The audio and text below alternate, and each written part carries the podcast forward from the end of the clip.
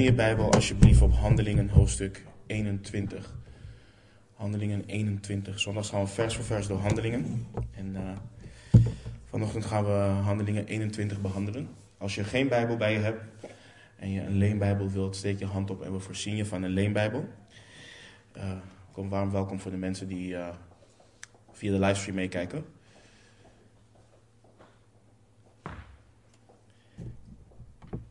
Is er nog iemand die een link kan sturen naar Bart of Anita?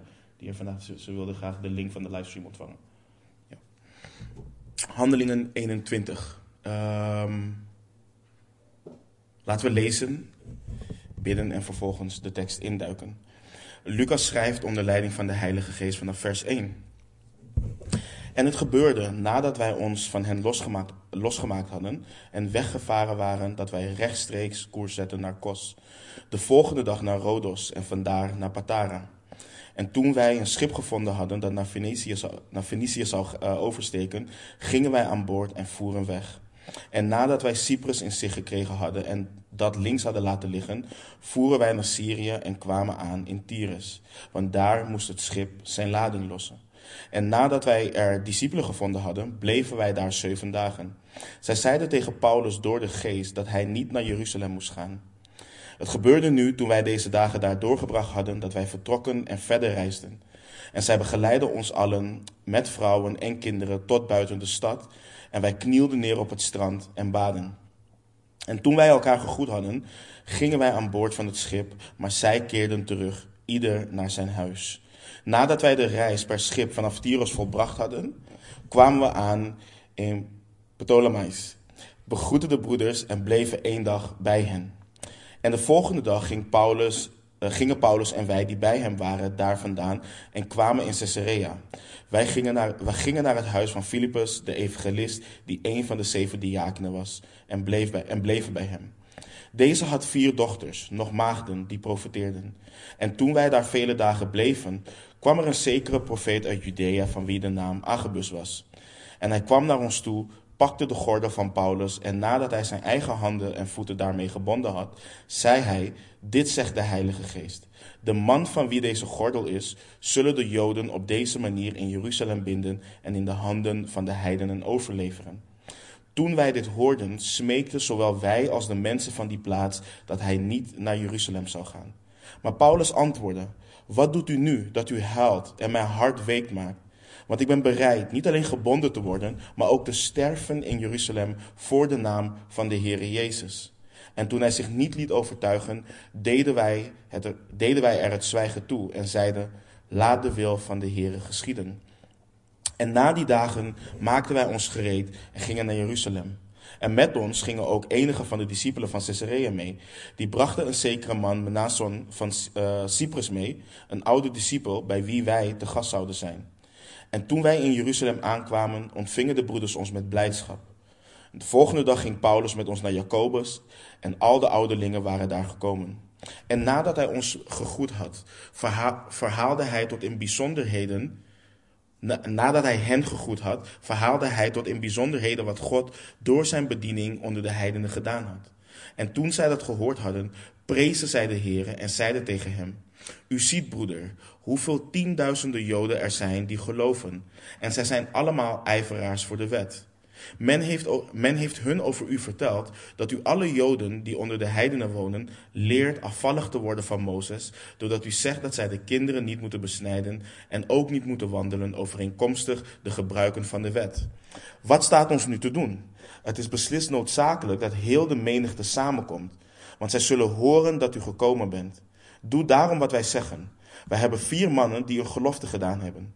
Neem die bij u, reinig u samen met hen en betaal voor hen de kosten van de offers, zodat zij zich het hoofd kunnen laten scheren en allen kunnen weten dat er niets waar is van wat hun over u verteld is, maar dat u zo wandelt dat u ook zelf de wet in acht neemt. Maar wat de heidenen betreft die geloven, hebben wij geschreven en goed gevonden dat zij niets dergelijks in acht hoeven te nemen, behalve dat zij zich moeten wachten uh, voor, voor afgodenoffers, voor bloed, voor het verstikte en voor ontucht. Toen nam Paulus de mannen mee en de Dag daarna reinigde hij zich samen met hen, ging de tempel binnen en maakte bekend wanneer de dagen van de reiniging vervuld zouden zijn, namelijk wanneer voor ieder van hen het offer zou worden gebracht. Toen de zeven dagen ten einde liepen, zagen de Joden uit Azië hem in de tempel en brachten heel de menigte in verwarring.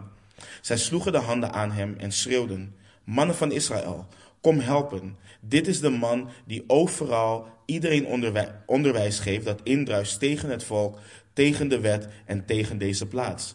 Bovendien heeft hij ook nog Grieken in de tempel gebracht en deze heilige plaats ontheiligd.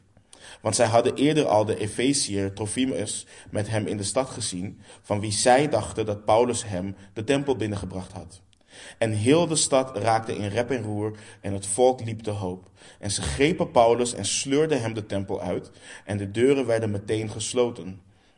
En terwijl zij hem probeerden te doden, kreeg de overste van de leger, legerafdeling het bericht dat heel Jeruzalem in verwarring was. Die nam ogenblikkelijk soldaten en hoofdmannen over honderd mee en liep snel naar beneden naar hen toe.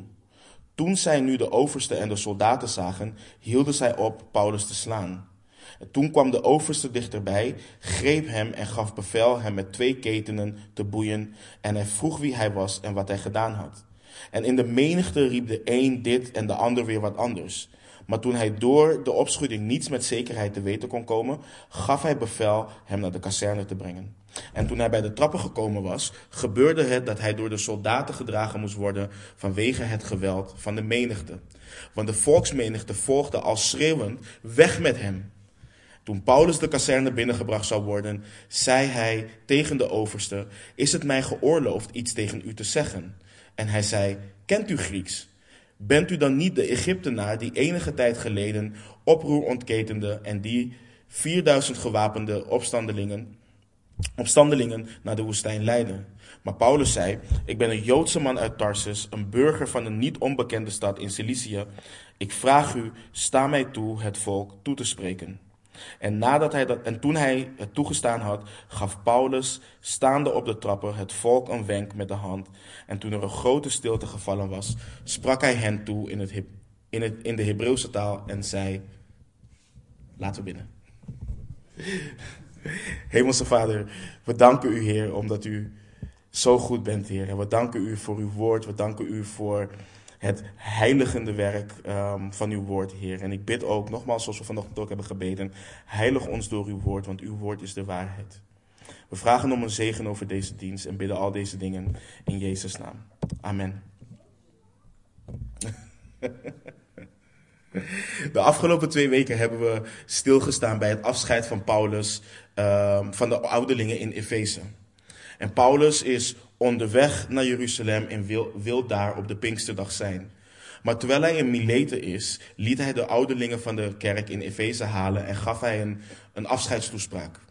En Paulus wist dat de ouderlingen zijn gezicht niet meer zouden zien, dus hij bemoedigde hen en waarschuwde hen daar ook bij.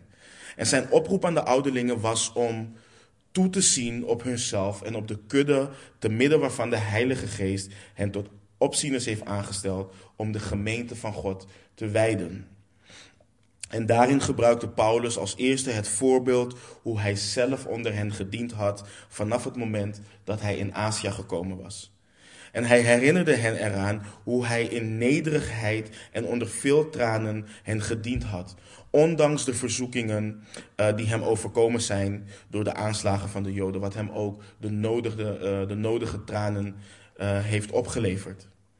Uh, hij herinnerde hen er, er, ook aan hoe hij niets van wat nuttig was heeft nagelaten hen te onderwijzen. En hoe hij heel het raadsbesluit van God aan hen verkondigd had. Hij was daarom ook rein van het bloed van hen allen. En hij herinnerde hen eraan dat hij tegenover zowel Joden als Grieken getuigd had van bekering tot God en geloof in de Heer Jezus Christus. En hij, was, hij waarschuwde hen vervolgens dat er vrede wolven binnen zouden komen die de kudde niet zouden sparen. En dat er uit hun eigen midden mannen zouden opstaan die de waarheid zouden verdraaien om de discipelen achter hen aan weg te trekken.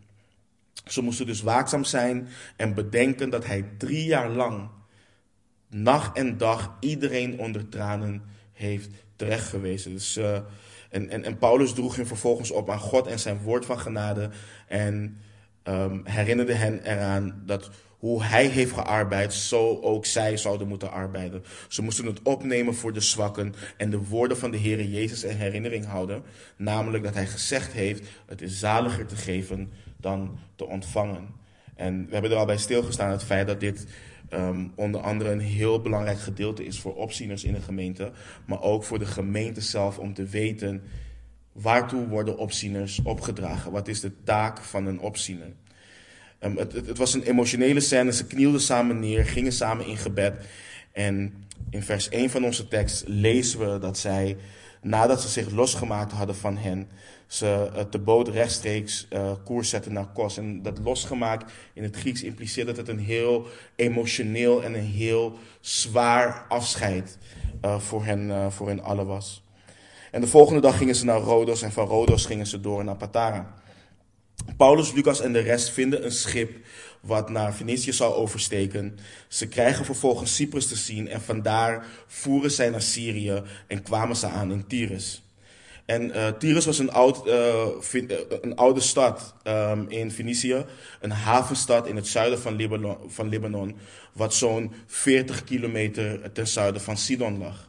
En het interessante van Tyrus is, is dat we het tegenkomen in het Oude Testament, in het boek Joshua, in hoofdstuk 19 om precies te zijn. En het wordt daar ook opgenoemd als erfelijk bezit uh, van de stam van de nakomeling van Asser. En uiteindelijk is de stad nooit in bezit genomen door het volk. Um, en later, wanneer David koning is over Israël en, en Salomo ook, had Israël een soort van alliantie, een soort van bondsgenootschap um, met de koning van, uh, van Tyrus gesloten. De Heer Jezus spreekt um, in Matthäus 11 en Lucas 10 over Tyrus en gebruikt hen als een voorbeeld uh, voor, twee, voor twee steden. Hij zegt dat als in Tyrus de krachten gebeurd waren die onder hen heeft plaatsgevonden, dat zij zich al lang zouden hebben bekeerd. En de Heere zegt ook vervolgens dat het voor Tyrus verdraaglijker zal zijn op de dag van het oordeel dan voor die twee uh, steden. En, Tyrus was dus, wat ik net al zei, een grote uh, zeehaven in die tijd en was dus ook altijd vol met handelsschepen. Uh, zeelieden bleven daar ook wat vaker en wat langer hangen. En omdat, men dus, uh, omdat het schip dus zijn lading moest lossen, bleven Paulus, Lucas en de rest in Tyrus en kwamen zij daar enkele discipelen, enkele uh, heiligen kwamen ze daar tegen. En uit Handelingen 11 lezen we dat door de dood van Stefanus de volgelingen van Jezus overal verspreid waren en het land uh, doorgingen tot Fenicië, Cyprus en Antiochië aan toe. Dus we kunnen ervan uitgaan dat rond deze periode daar ook discipelen kwamen en dat daar een, een, een kerk is ontstaan, of meerdere kerken zijn ontstaan. Paulus en de rest verblijven zeven dagen in Tyrus. We lezen in vers 4 dat er enkele discipelen waren die tegen Paulus door de geest zeiden dat hij niet naar Jeruzalem moest gaan. Uh, Lucas geeft ons ook geen inzage in wat de reactie van Paulus hierop was, maar we gaan hier zometeen ook wat dieper op in. Uh, maar na de zeven dagen vertrokken Lucas, Paulus en de rest na samen te hebben gebeden met de heiligen en gingen ze per schip door naar Ptolemaïs. Ook daar komen ze enkele broeders tegen, net als in Tyrus. En je ziet hier ook hoe God echt bezig is geweest en het evangelie verspreid is. En in vers 8 lezen we dat Paulus en de rest daar vandaan reisden en vervolgens terechtkwamen in Caesarea. En daar verbleven ze bij de evangelist Filippus. Nou, met Filippus hebben we kennis gemaakt in, in Handelingen hoofdstuk 6. Lucas schrijft hier ook dat hij een van de zeven diakenen was. In hoofdstuk 8 zagen we hoe Filippus door God gebruikt werd om in Samaria een, een opwekking teweeg te brengen. En dat hij vervolgens ook werd gebruikt om die Ethiopiër naar de Here te leiden. En jaren later is Filippus in Caesarea ge, gesetteld. En vergeet niet, en dat, is best wel bijzonder, want vergeet niet dat Paulus degene is die de gemeente ook begon te verwoesten. En dat, dat Filippus door onder andere de vervolging van Paulus moest vluchten. En nu zien we hoe hij Paulus en zijn reisgenoten uh, uh, opvangt. En dan zie je ook dat de Heer, uh, hij, ma hij, maakt dingen gewoon nieuw. En um, als je dan bedenkt hoe, hoe Paulus langs de steden gaat en daar discipelen tegenkomt, dan moet je toch geloven dat God echt letterlijk alles ten goede gebruikt en alles voor zijn eer en glorie gebruikt. Die discipelen zijn verspreid, onder andere door het werk van de apostel Paulus. En vervolgens gaat hij al die steden langs en ziet hij dat daar allemaal kerken uh, uh, gesticht zijn. Dat er allemaal mensen tot geloof in de Heer Jezus Christus zijn gekomen. En zo zie je hoe God verdrukking dus ook gebruikt om de kerk te, te sterken, om de kerk uh, op te bouwen.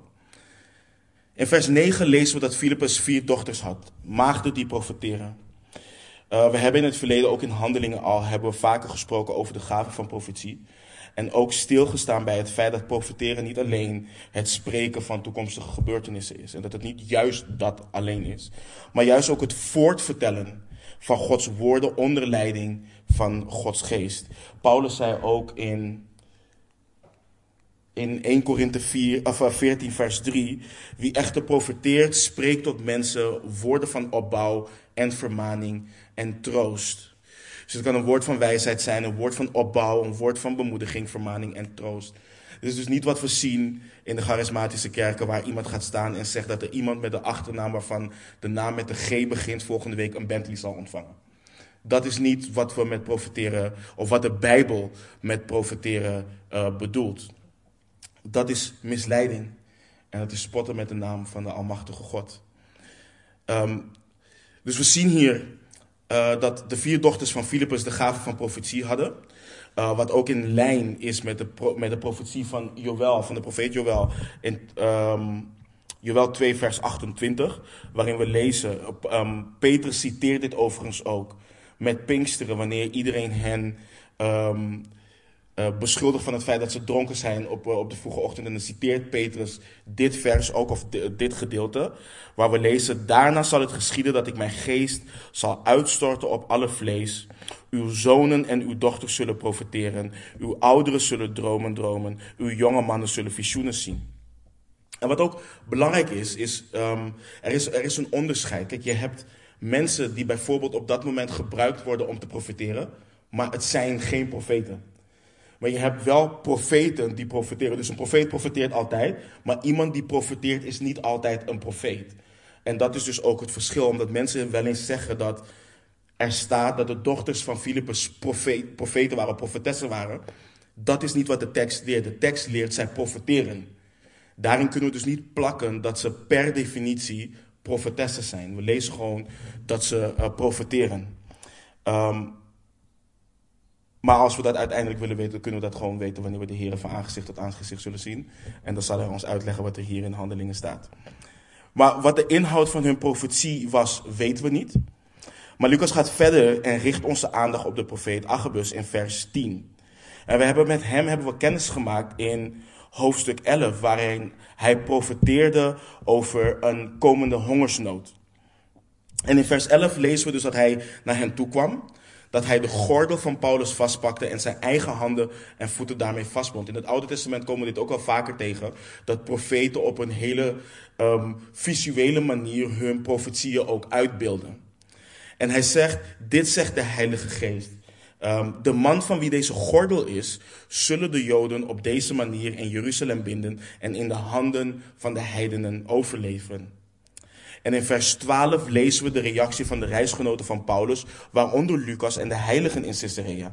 En zij smeekten dat Paulus niet naar Jeruzalem uh, zou gaan. En Paulus zijn reactie komt overeen met wat we lazen in het vorige hoofdstuk, waarin we lazen dat hij zei dat, zijn dat hij zijn leven niet kostbaar achtte voor zichzelf. Uh, en Paulus zegt namelijk dat hij niet alleen bereid is om gebonden te worden, maar ook bereid is om te sterven in Jeruzalem voor de naam van uh, de Heere Jezus. En we lezen dat Paulus zich niet liet overtuigen in vers 14. Dus ze hielden erover op en zeiden, laat de wil van de Heere geschieden. Uh, dit, dit gedeelte, wat we nu tot nu toe hebben gelezen, heeft um, onnodig voor veel verwarring gezorgd. Zelfs zo erg dat er beleidende volgelingen van Jezus zijn die zeggen dat Paulus de geest ongehoorzaam is geweest door toch naar Jeruzalem te gaan. En ik moet zeggen dat ik eerder in mijn wandel uh, ook zoiets had van, had Paulus dan niet naar Jeruzalem moeten gaan en, en, en noem maar op. Maar wat belangrijk is, en dat, dat, dat zeggen we wel vaker, zowel op de woensdag als uh, op zondag, is wat, wanneer we de Bijbel lezen, dat we dit altijd in context doen. Uh, wanneer we dit vers of de uh, enkele stukken hier isoleren en niet in de context van het algehele verhaal of verslag interpreteren, dan zullen we zeggen dat Paulus ongehoorzaam was en tegen de wil van God is ingegaan.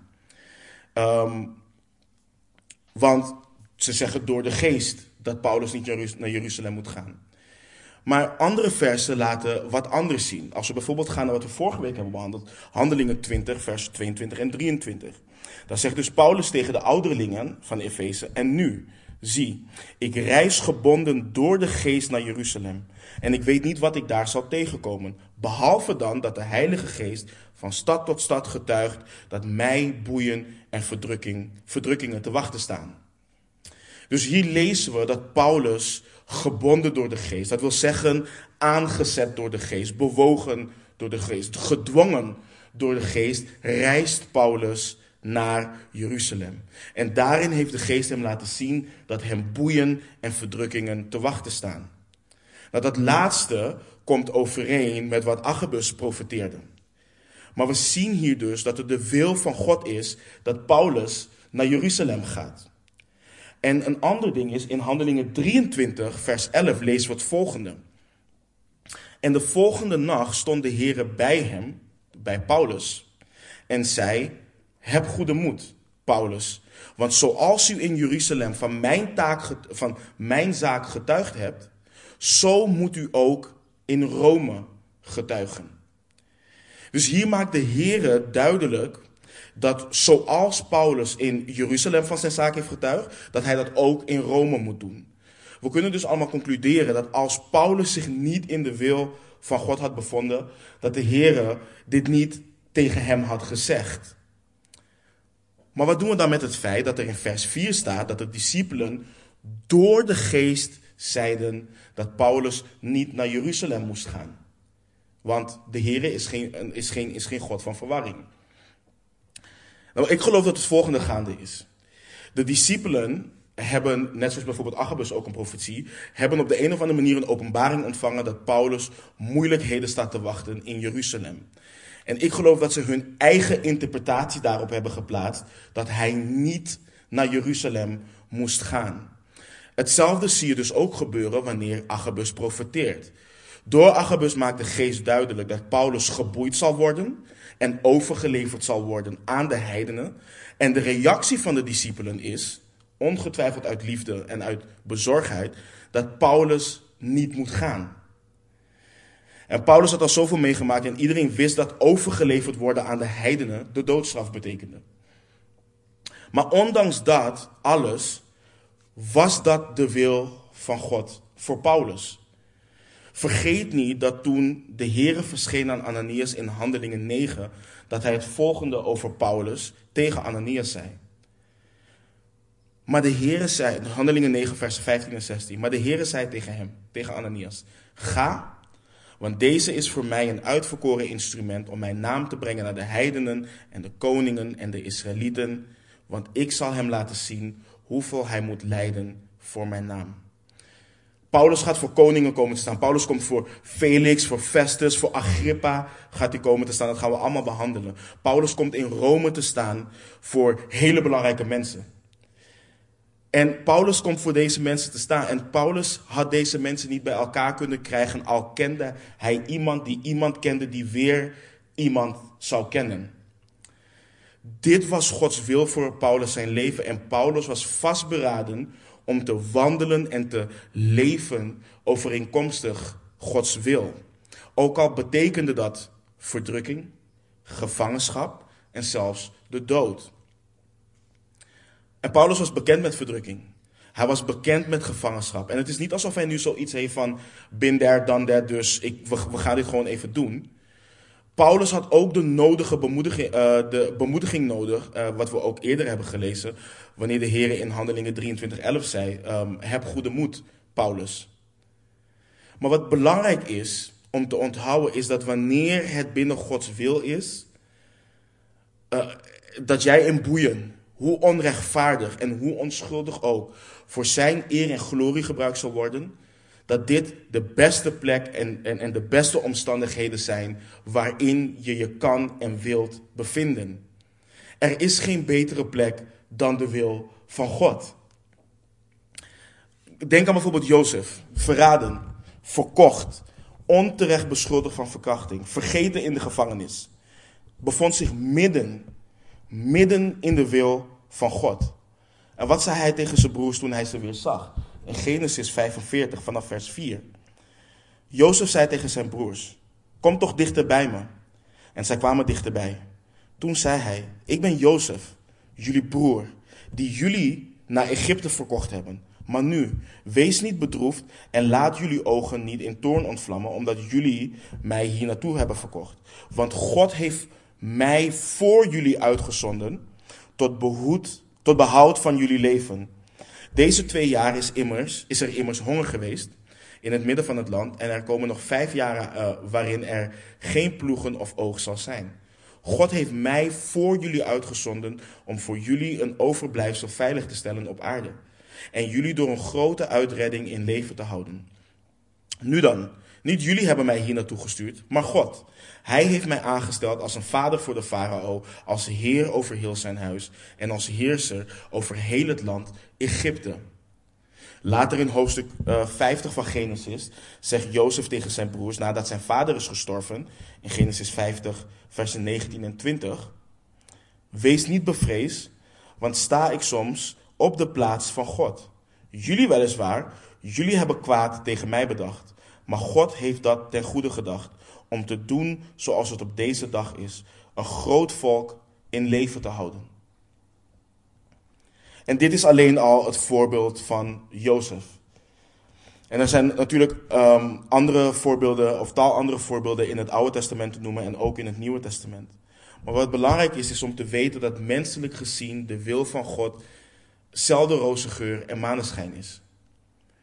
En ik zeg bewust menselijk gezien, want als je het bekijkt vanuit een hemels perspectief, dan is de wil van God, hoe zwaar dan ook en hoe goed dan ook, of hoe zwaar dan ook, altijd goed.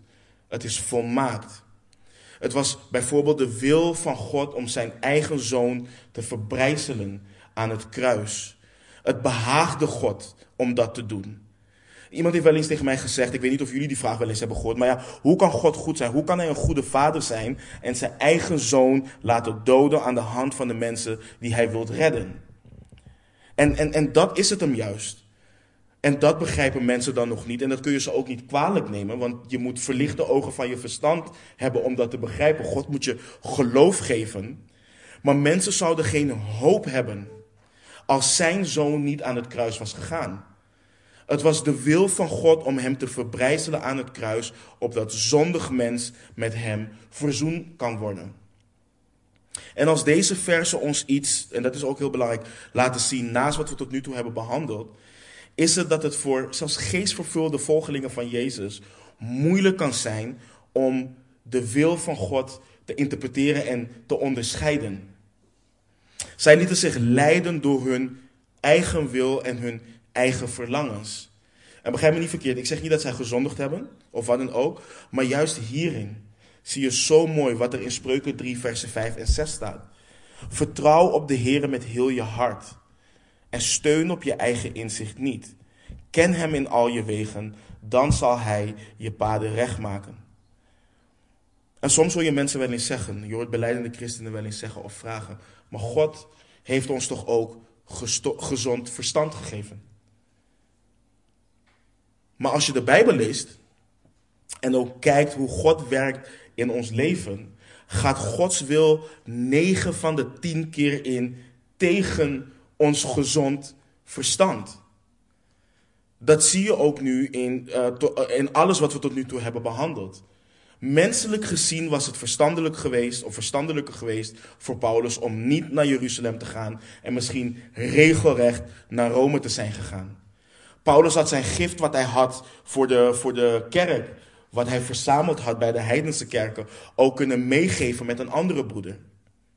Maar dat is niet hoe God het bedoeld had. En volgende week, wanneer we uh, Paulus zijn uh, toespraak aan de Israëlieten gaan behandelen, dan zie je ook dat dit is geleid door God dat Paulus daar was. En daarom is het belangrijk om dicht bij de Heer te wandelen en Hem te kennen in zowel zijn woord als in gebed. Want er is namelijk geen kant-en-klare formule om de wil van de Heer te onderscheiden. Eh, je hoort sommige beleidende volgelingen wel eens zeggen dat het voldoende is om alleen een biddende discipel te zijn. De Heilige Geest maakt zijn gebed wel, uh, zijn, zijn wil wel kenbaar door gebed. Maar ik kan je niet zeggen hoe vaak mensen op basis van het idee dat ze door gebed keuzes hebben gemaakt die regelrecht tegen Gods woord zijn ingegaan. Je kan bijvoorbeeld bidden of je wel of niet moet zijn met die aardige en leuke ongelovige man of vrouw en daar een goed gevoel bij hebben. Maar Gods woord is hartstikke duidelijk over het niet vormen van een ongelijk span. Dus je kunt wel bidden en denken van, oh weet je, misschien wil de Heer mij gebruiken en, en, en, en, die persoon tot bekering brengen. Dat is niet aan jou om in te vullen. De Heer maakt duidelijk, vorm geen ongelijk span. Dus um, dan kun je, kun je uh, bidden tot je ons weegt, maar de Bijbel is duidelijk. Hij heeft zijn wil daarin al geopenbaard. Hetzelfde geldt ook voor bijvoorbeeld of je moet bidden voor een baan waarbij je, waarbij je weet dat het tegen Gods wil is en bijvoorbeeld zonde promoot. Weet je, dat soort dingen. Of bidden van, oké, mijn, lokale gemeente is bijvoorbeeld in Lelystad. Maar zal ik dan gaan wonen in Tilburg? Wilt u dat ik in Tilburg ga wonen? Je, je weet dat de Heer wil dat je, die, dat je fellowship hebt met je broeders en zusters. Weet je, dus dat soort dingen zijn zaken waar, waar je van weet, oké, ik moet niet alleen een biddende discipel zijn. Ik moet ook een discipel zijn die het woord van God kent, opdat ik weet wat de Heer door zijn woord heeft overgeleverd. Dus het is belangrijk om dat, uh, om dat te doen. En het is ook belangrijk om je te omringen met broeders en zusters die al langer wandelen met de Heer en goddelijke wijsheid met je kunnen uh, delen. Weet je, ik, ik, ik, heb het al eerder gezegd, maar die, die, die, die, die beleidende, die volgelingen van Jezus, die al 30, 40, 50 jaar wandelen met de Heer. God heeft hen in die tijd zoveel wijsheid gegeven waar je van kunt leren. In, door hun gehoorzaamheid, hun trouw aan de Heer en waar zij ook doorheen zijn gegaan.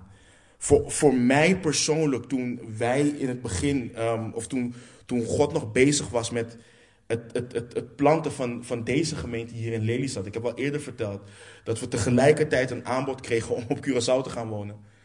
En, en, en, en dat broeders en zusters samen met mij, met ons, de wil van de Heer daarin zijn gaan zoeken.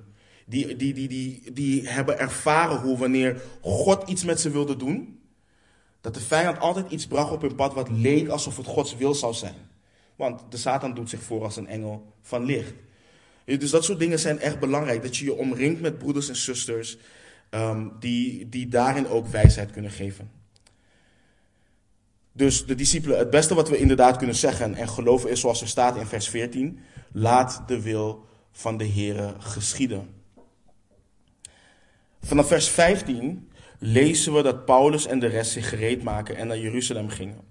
Nou, enkele van de discipelen uit Caesarea gingen mee en die namen een zekere Manason van Cyprus mee. Een oude discipel bij wie zij te gast zouden zijn. We weten niet veel van hem, behalve dat er van hem gezegd wordt dat hij een huis had in Jeruzalem en dat Paulus en de rest bij hem bleven. En in vers 17 lezen we dat Paulus en de rest met blijdschap werden ontvangen door de broeders. En dat ze de volgende dag naar Jacobus, de halfbroer van Jezus, gingen. En daar kwamen alle ouderlingen uh, bijeen. Het lijkt erop dat Jacobus en andere, andere ouderlingen toezien op de gemeente in Jeruzalem en dat wellicht de andere apostelen op, op zendingsreis waren. En in vers 19 lezen we hoe Paulus getuigt over wat de Heer allemaal door zijn bediening heeft gedaan door de heidenen. Het is altijd een zegen om te horen hoe God aan het werk is onder broeders en zusters. Vooral wanneer je hoort van het werk van, van zendelingen. Het is altijd een zegen. Je blijft op de een of andere manier altijd in ontzag voor wat God doet en heeft gedaan. En, en wat prachtig is, is dat ze in vers 20 de eer en glorie geven aan God. Ze, zij prijzen, of ze prezen de Heer. En wanneer ik dat lees, dan ben ik ervan overtuigd dat Paulus getuigde op een manier wat alleen eer en glorie aan God uh, kan brengen. Alles wijst naar God. Maar het getuigt er ook van, het getuigt ook van volwassenheid wanneer mensen een getuigenis horen en God de eer en glorie daarvoor geven. Ik word er altijd krielig van als ik mensen hoor zeggen: Ja, ik zou niet kunnen wat jij doet. Of ik zou echt willen dat ik het geloof heb wat ook jij hebt. En, en daarin zeggen we: luister, alle eer en glorie aan God. De gave van onderwijs is een gave van God. De gave van bemoediging is een gave van God. Uh, de gave van ontferming is een gave van God. Wanneer iemand bemoedigt, krijgen ze de woorden van de Heer om te bemoedigen. En wanneer iemand onderwijst, krijgen ze de gave van God om de tekst te interpreteren en te verklaren. De Heer zei, de Heer Jezus zei in Johannes 15, vers 5. Ik ben de wijnstok, u de ranken. Wie in mij blijft en ik in hem, die draagt veel vrucht. Want zonder mij kunt u niets. Het woord niets betekent in het Grieks gewoon echt letterlijk niets. Helemaal niets. Niets doen. Alles wat vrucht draagt, komt van de Heer. En daarom is Hij te loven en te prijzen.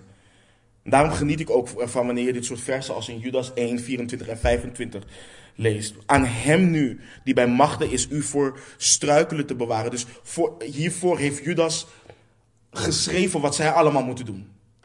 En dan zegt hij aan hem nu die bij machten is u voor struikelen te bewaren en u smetteloos te stellen voor zijn heerlijkheid en grote, grote vreugde.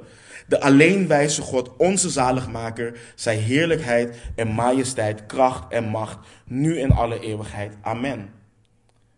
De erkenning dat God alle eer toekomt.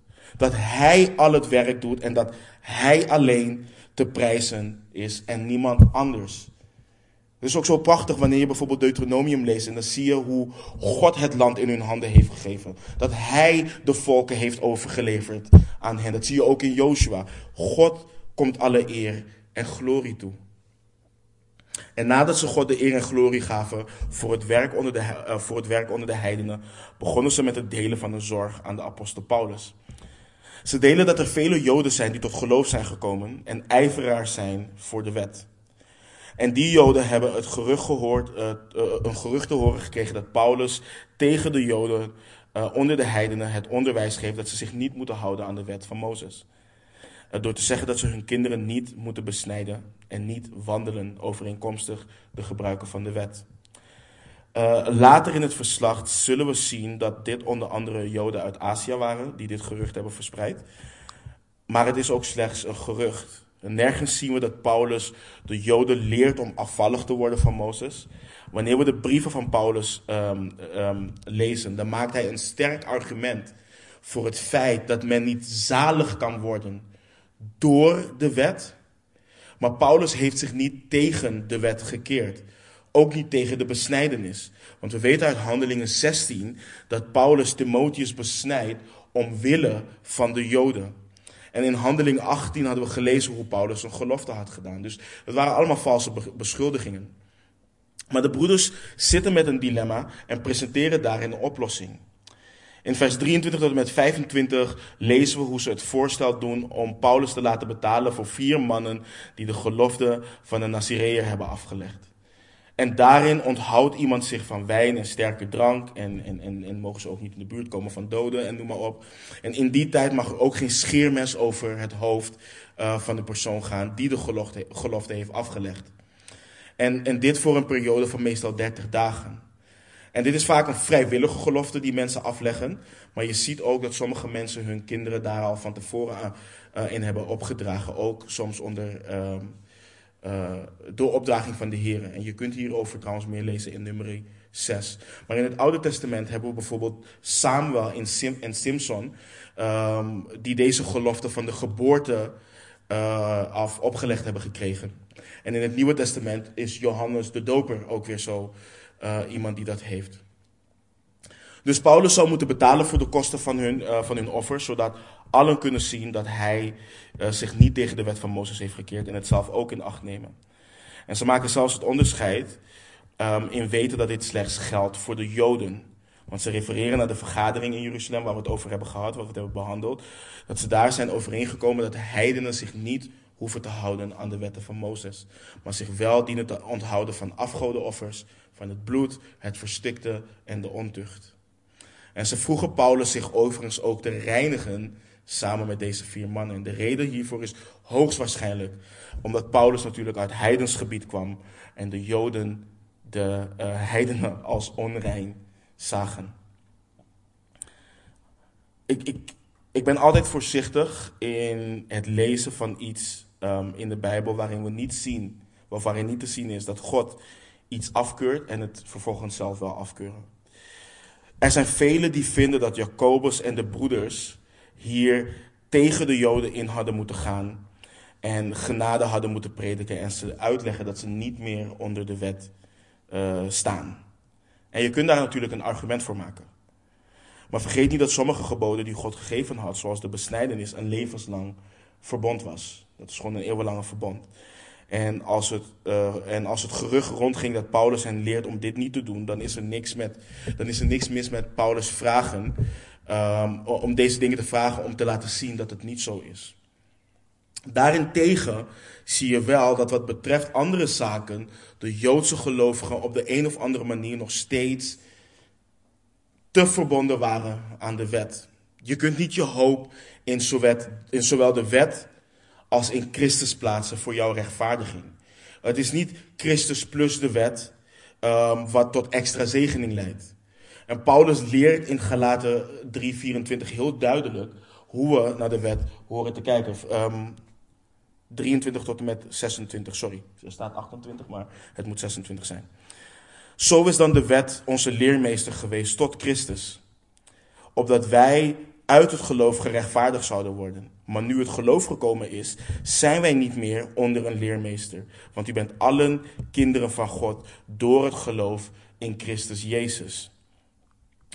En de brief aan de Hebreeën um, is bijvoorbeeld ook een heel goed voorbeeld in hoe de Joden soms zo vasthielden aan de wet. Je ziet daarin hoe de auteur duidelijk probeert te maken hoe Christus meer is dan de wet. Hij is meer dan Mozes, hij is meer dan Aaron, hij is meer dan de Sabbat, hij is Heer van de Sabbat.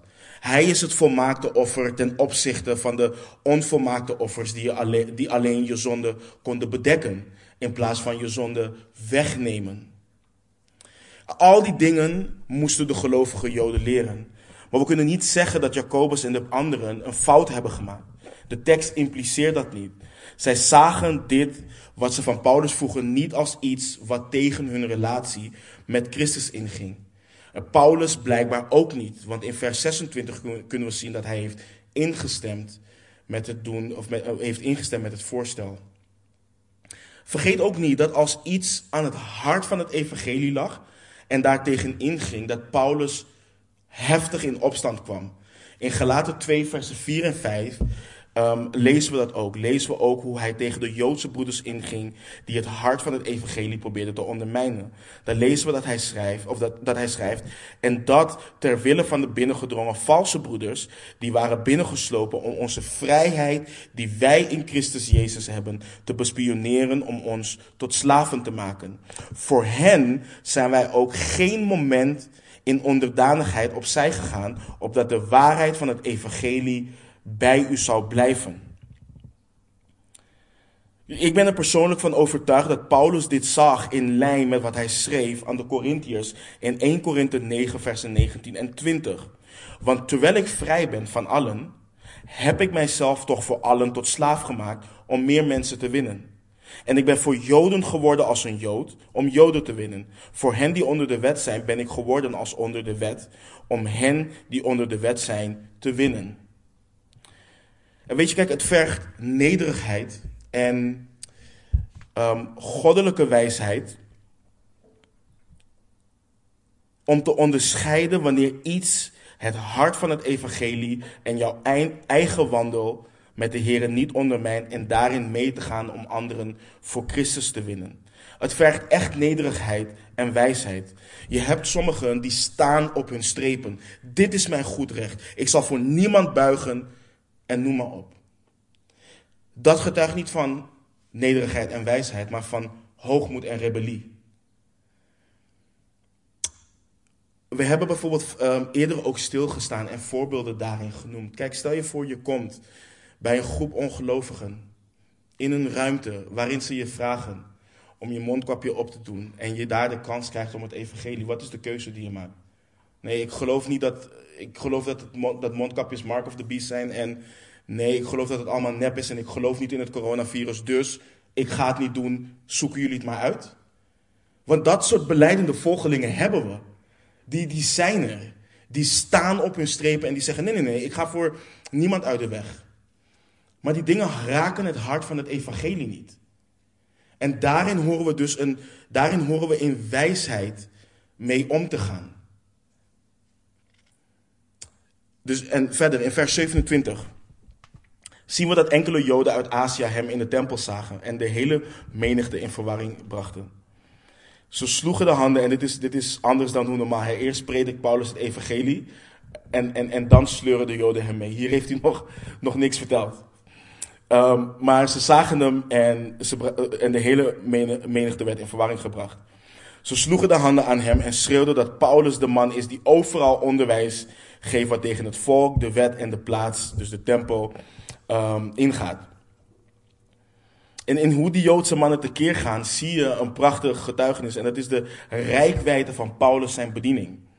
Het feit dat Paulus getuigde van de Heer Jezus um, Christus van stad tot stad als de Messias was onder veel Joden bekend. Maar in hun beschuldigingen brengen ze een leugen die er juist voor zorgt dat iedereen tegen Paulus tekeer gaat. En dat is dat hij een heiden de tempel had binnengebracht. En in de tempel had je een plein, waar, waar heidenen mochten komen. Ook, dus, dus niet Joden. Waar iedereen mocht komen, ook niet Joden. Voorhof der heidenen werd het genoemd. Maar de tempel zelf ingaan was alleen mogelijk voor Joden. Als je als heiden de tempel inging, werd je gedood. Je had ook een steen waarop in het Grieks, het Latijns, in het Latijn en het Hebreeuws stond: verboden voor niet-Joden, geen vreemdeling mag binnen de omheining, omheining, uh, omheining uh, gaan rond het heiligdom. Wie toch verder gaat, zal dit met de dood bekopen. Het staat in het Grieks, Latijn en Hebreeuws, dus je bent gewaarschuwd. Je kunt niet zeggen, ik heb het niet begrepen. Dus, gewoon alle, dus alle talen die op dat moment gesproken worden, daarin hebben ze dat geschreven. Dus Paulus had uh, tegen zich dat hij rondging en sprak tegen het volk, de wet en de tempel. En nu had hij ook nog eens een heidende tempel binnengebracht volgens deze mannen. Maar het zijn natuurlijk allemaal leugens, maar probeer dat duidelijk te maken aan een groep ijveraars voor de wet. Kijk, Paulus was geen rebel. Hij zou nooit op die manier proberen te laten zien wat voor vrijheid in Christus hij als Jood had. En dat, dat, dat heidenen gewoon de tempel in konden gaan. En Lucas maakt in vers 29 duidelijk dat, dat ze Paulus met Trofimus de Efeziër hadden gezien en dachten. Dus Paulus schrijft ook, zij dachten dat hij, de tempel, dat hij hem de tempel had binnengebracht. Dus Lucas laat zien dat het helemaal niet waar is. En in vers 30 lezen we hoe de stad, hoe de hele stad in rep en roer raakte. En voor ons in het Westen um, is het wellicht moeilijk te begrijpen waarom deze reactie van de Joden zo heftig is. Ik kan ook geen goede vergelijking of goede analogie bedenken waardoor we hun verontwaardiging uh, zouden kunnen begrijpen. Ook al was het misplaatst en gebaseerd op een leugen. Maar Paulus werd vastgegrepen, de tempel uitgesleurd en de deur wordt dichtgegooid. En ik kan me niet voorstellen hoe Paulus zich voelde. De bediening van Paulus kende slechts twee uitersten. Of het eindigde in een rel, of er kwam een opwekking. En het was vaker een rel overigens dan een opwekking. En bedenk dat Paulus zich nog steeds midden in de wil van God bevindt. En bedenk ook dat God soeverein regeert vanaf zijn troon en dat niets een kind van hem overkomt zonder dat hij het weet en toelaat. Dus ze hebben Paulus vast en je moet je voorstellen dat het zo'n chaos is en dat men hem te midden van deze chaos probeert te doden. En dit liep zo uit de hand, dus Jeruzalem is zo in chaos dat de overste van de legerafdeling het bericht hoort dat heel Jeruzalem in verwarring is. De Joden waren dus helemaal door het dolle heen en het enige wat ze wilden was de apostel Paulus doodmaken voor het ontheiligen van de tempel, wat hij dus niet gedaan heeft. En, en het is grappig, kijk, terwijl ze zogenaamd ijverig waren voor de tempel, voor God, voor de wet, lieten ze een hoop na. Want hun wet had duidelijk voorgeschreven dat ze iedere beschuldiging moesten toetsen. Maar dat hebben ze niet gedaan. De wet leerde ook duidelijk dat ze geen valse getuigenis moesten spreken tegen hun naasten. Dat deden ze wel. En al die dingen werden genegeerd. En dat is het ook altijd met, met, met religie gemaakt door mensen. Dat is het probleem met religie waarin je zelf bepaalt hoe en wanneer je rechtvaardig bent. Want het is dan makkelijk om tekeer te gaan en om te kijken naar de dingen waar jij ijverig in bent. En de dingen waarvan je denkt, hm, dat, dat, dat maakt me niet uit, dat nalaten. En ik zeg het altijd, kijk, zonde staat, altijd, staat anderen altijd beter. Je ziet het altijd bij anderen, maar nooit bij jezelf als je een, een hoogmoedig hart had. Of een, hoogmoedig hart hebt. En dit is ook precies hoe het met de Heer Jezus is gegaan. Ook daar waren ze zogenaamd ijverig. De, eh, eh, de lichamen kunnen niet blijven hangen, want anders zal het feest ontheiligd worden. Maar net daarvoor hebben ze iemand onschuldig berecht en laten, en laten doden. Dus dat, dat is altijd het gevolg van religie gemaakt door mensen waar men hun eigen rechtvaardigheid bepaalt. Dat is de hypocrisie van hun eigen religie en uh, ijver.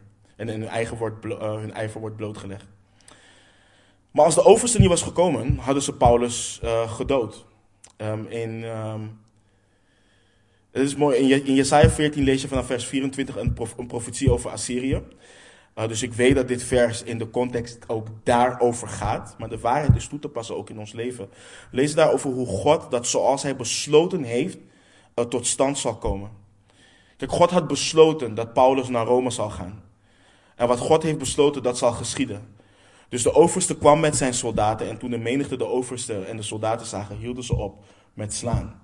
Het is, het is gewoon interventie van de Heer. En de overste gaf het bevel om Paulus met twee ketenen te boeien. Hier zien we de, de profetie van de profeet Agabus tot, tot, um, tot um, vervulling komen. En probeerde erachter te komen wie Paulus was. Maar de menigte was zo in rep en roer omdat er door elkaar heen geschreeuwd werd en de overste er niet wijzer van werd. Paulus, dus, Paulus moest dus mee naar de kazerne, maar hij kon de trappen niet op. Dus hij moest door de soldaten gedragen worden. Dus Paulus was zo toegetakeld door de menigte dat hij niet eens een trap op kon. Deze mensen waren helemaal door het dolle heen. En de hele scène doet denken aan hoe de menigte tijdens de kruising van de Heer schreeuwde: kruisig hem. En hier schreeuwden ze: weg met hem. En, en, en, en, let toch ook op, op de nederigheid van Paulus. Dus Paulus was zo toegetakeld. En hij vraagt om toestemming om, om, om te kunnen spreken, om te praten. Je zou denken dat, dat Paulus het goed zat was. Na elke keer een rel. En al dat gevaar voor zijn eigen leven. Maar wat Paulus op de been hield en wat hem zo nederig maakt, maakte, was ongetwijfeld zijn geloof in de Heer Jezus.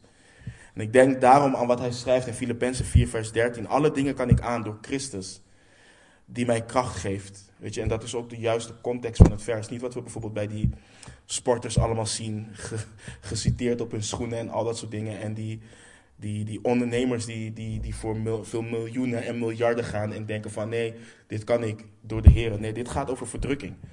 Alle dingen kan ik aan door Christus die mij kracht geeft.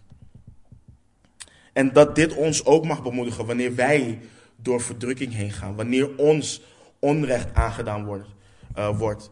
Wanneer wij moeten lijden omwille van Christus.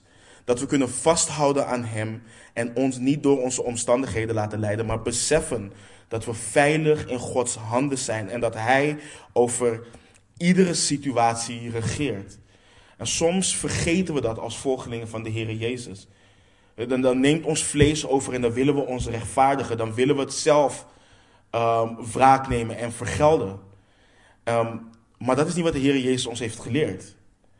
Uh, de apostel Petrus schreef ook in, in 1 Petrus 4, vers 14. Als u smaad wordt aangedaan om de naam van Christus, dan bent u zalig. Dan bent u dolgelukkig. Want de geest van de heerlijkheid en van God rust op u. Wat hem betreft wordt hij wel gelasterd. Dus voor de mensen die jou smaden, in hun hoofd lasteren zij Christus. Maar wat u betreft, wordt hij verheerlijkt. Dat is ook een verschil in hoe wij denken dat we het soms moeten opnemen voor de Heer Jezus Christus.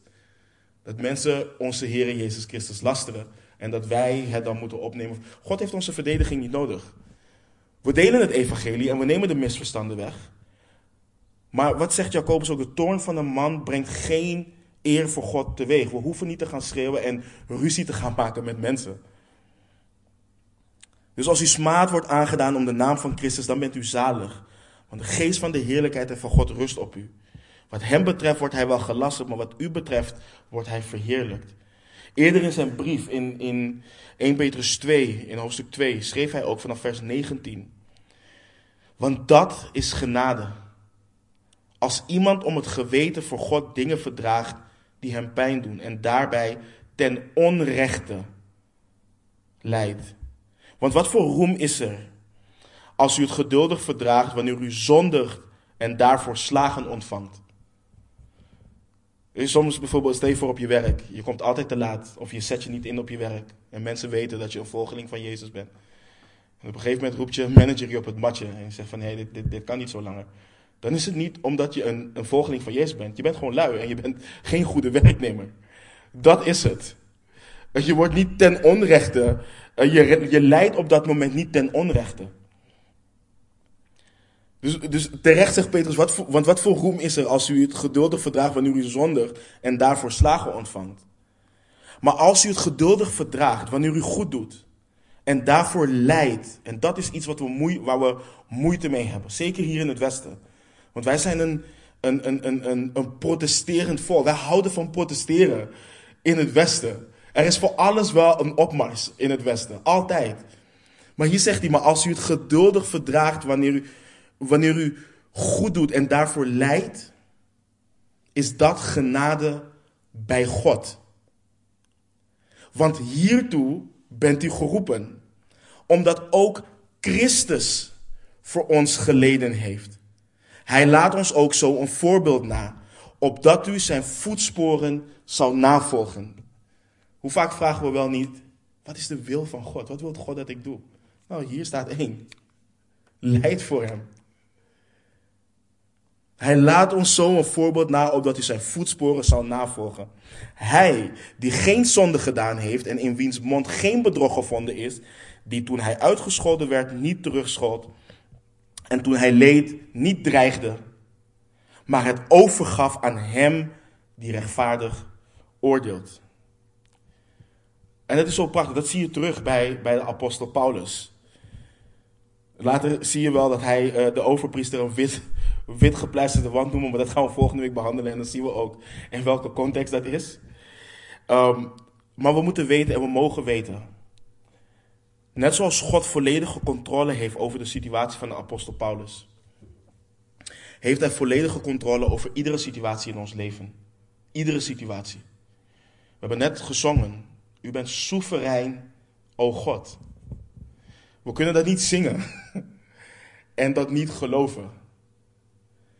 Dit, is, dit, dit, dit gaat over de soevereiniteit van God. Hij heeft volledige controle over iedere situatie in ons leven. Dat zien we bijvoorbeeld ook wanneer we het boek van Job lezen. Hij is soeverein. Hij laat de dingen toe. Niets gebeurt als hij het niet toelaat. En dat in gedachten houden met geloof in de Heer Jezus en, en in afhankelijkheid van de Geest, kan het verschil maken in of we reageren voor de eer en glorie van onze God, of dat we onze eigen eer en wil en onze eigen eer willen verdedigen. Dus Paulus vraagt om toestemming om te spreken en de overste is verbaasd dat hij Grieks spreekt. Hij dacht dat hij een Egyptenaar was die in zo'n 54 na Christus een opschudding in Jeruzalem had veroorzaakt. En Paulus neemt het misverstand weg en zegt dat hij een Joodse man uit Tarsus, een stad in het bekende uh, Cilicië is. Paulus vraagt om toestemming om het Joodse volk toe te spreken. Luister, hier komt tot uiting. Dit is het moment waar Paulus op heeft gewacht. Dit is wat we zien ook in Romeinen 9 tot en met 11 zijn ijver. Hij wachtte op dit moment om het evangelie, om te kunnen getuigen van de Heere Jezus Christus. En, en wat ook mooi is, is om te zien dat wanneer de menigte, dus de menigte wilde hem doden. Maar op het moment dat hij gaat spreken, wenkt hij met zijn hand en iedereen is stil. En dat is, dat is, het, dat is het werk van God. Dat is het werk van God.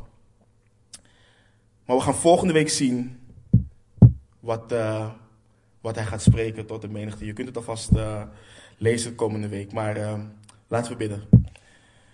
Hemelse Vader, we zijn u zo, zo dankbaar, Heer. We zijn u enorm dankbaar dat u zo goed bent, Heer. En om te zien, Heer, dat u soeverein bent, dat u heerst, dat u regeert vanaf uw troon, Heer. Dat u zit op uw troon.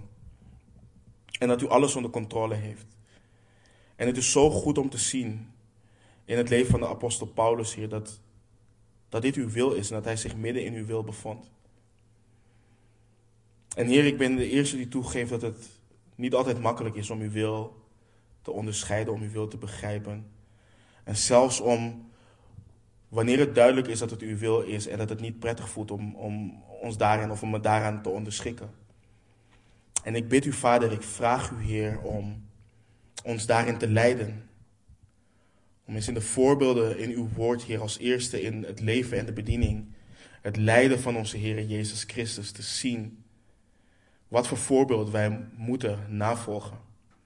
En dat ook om te zien in het leven van de heiligen als Jozef, als David, als Daniel, als Stefanus, als de apostel Paulus, Petrus en al de heiligen die u door de eeuwen heen heeft gebruikt, Heer. Heer, daar waar er opstandigheid en rebellie in ons hart is, daar waar wij wraak willen nemen, Heer. Neem dat van ons weg, Heer, want uw woord leert ons, u komt de wraak toe, Heer. En ik bid, Heer, dat u ons voor eeuwig zal veranderen en dat u ons ook leert om uw wil beter te gaan onderscheiden en daarin te gaan wandelen. We loven en prijzen uw naam. We danken u, Heer, voor verhogen uw naam en bidden al deze dingen in de machtige naam van onze Heer Jezus Christus. Amen.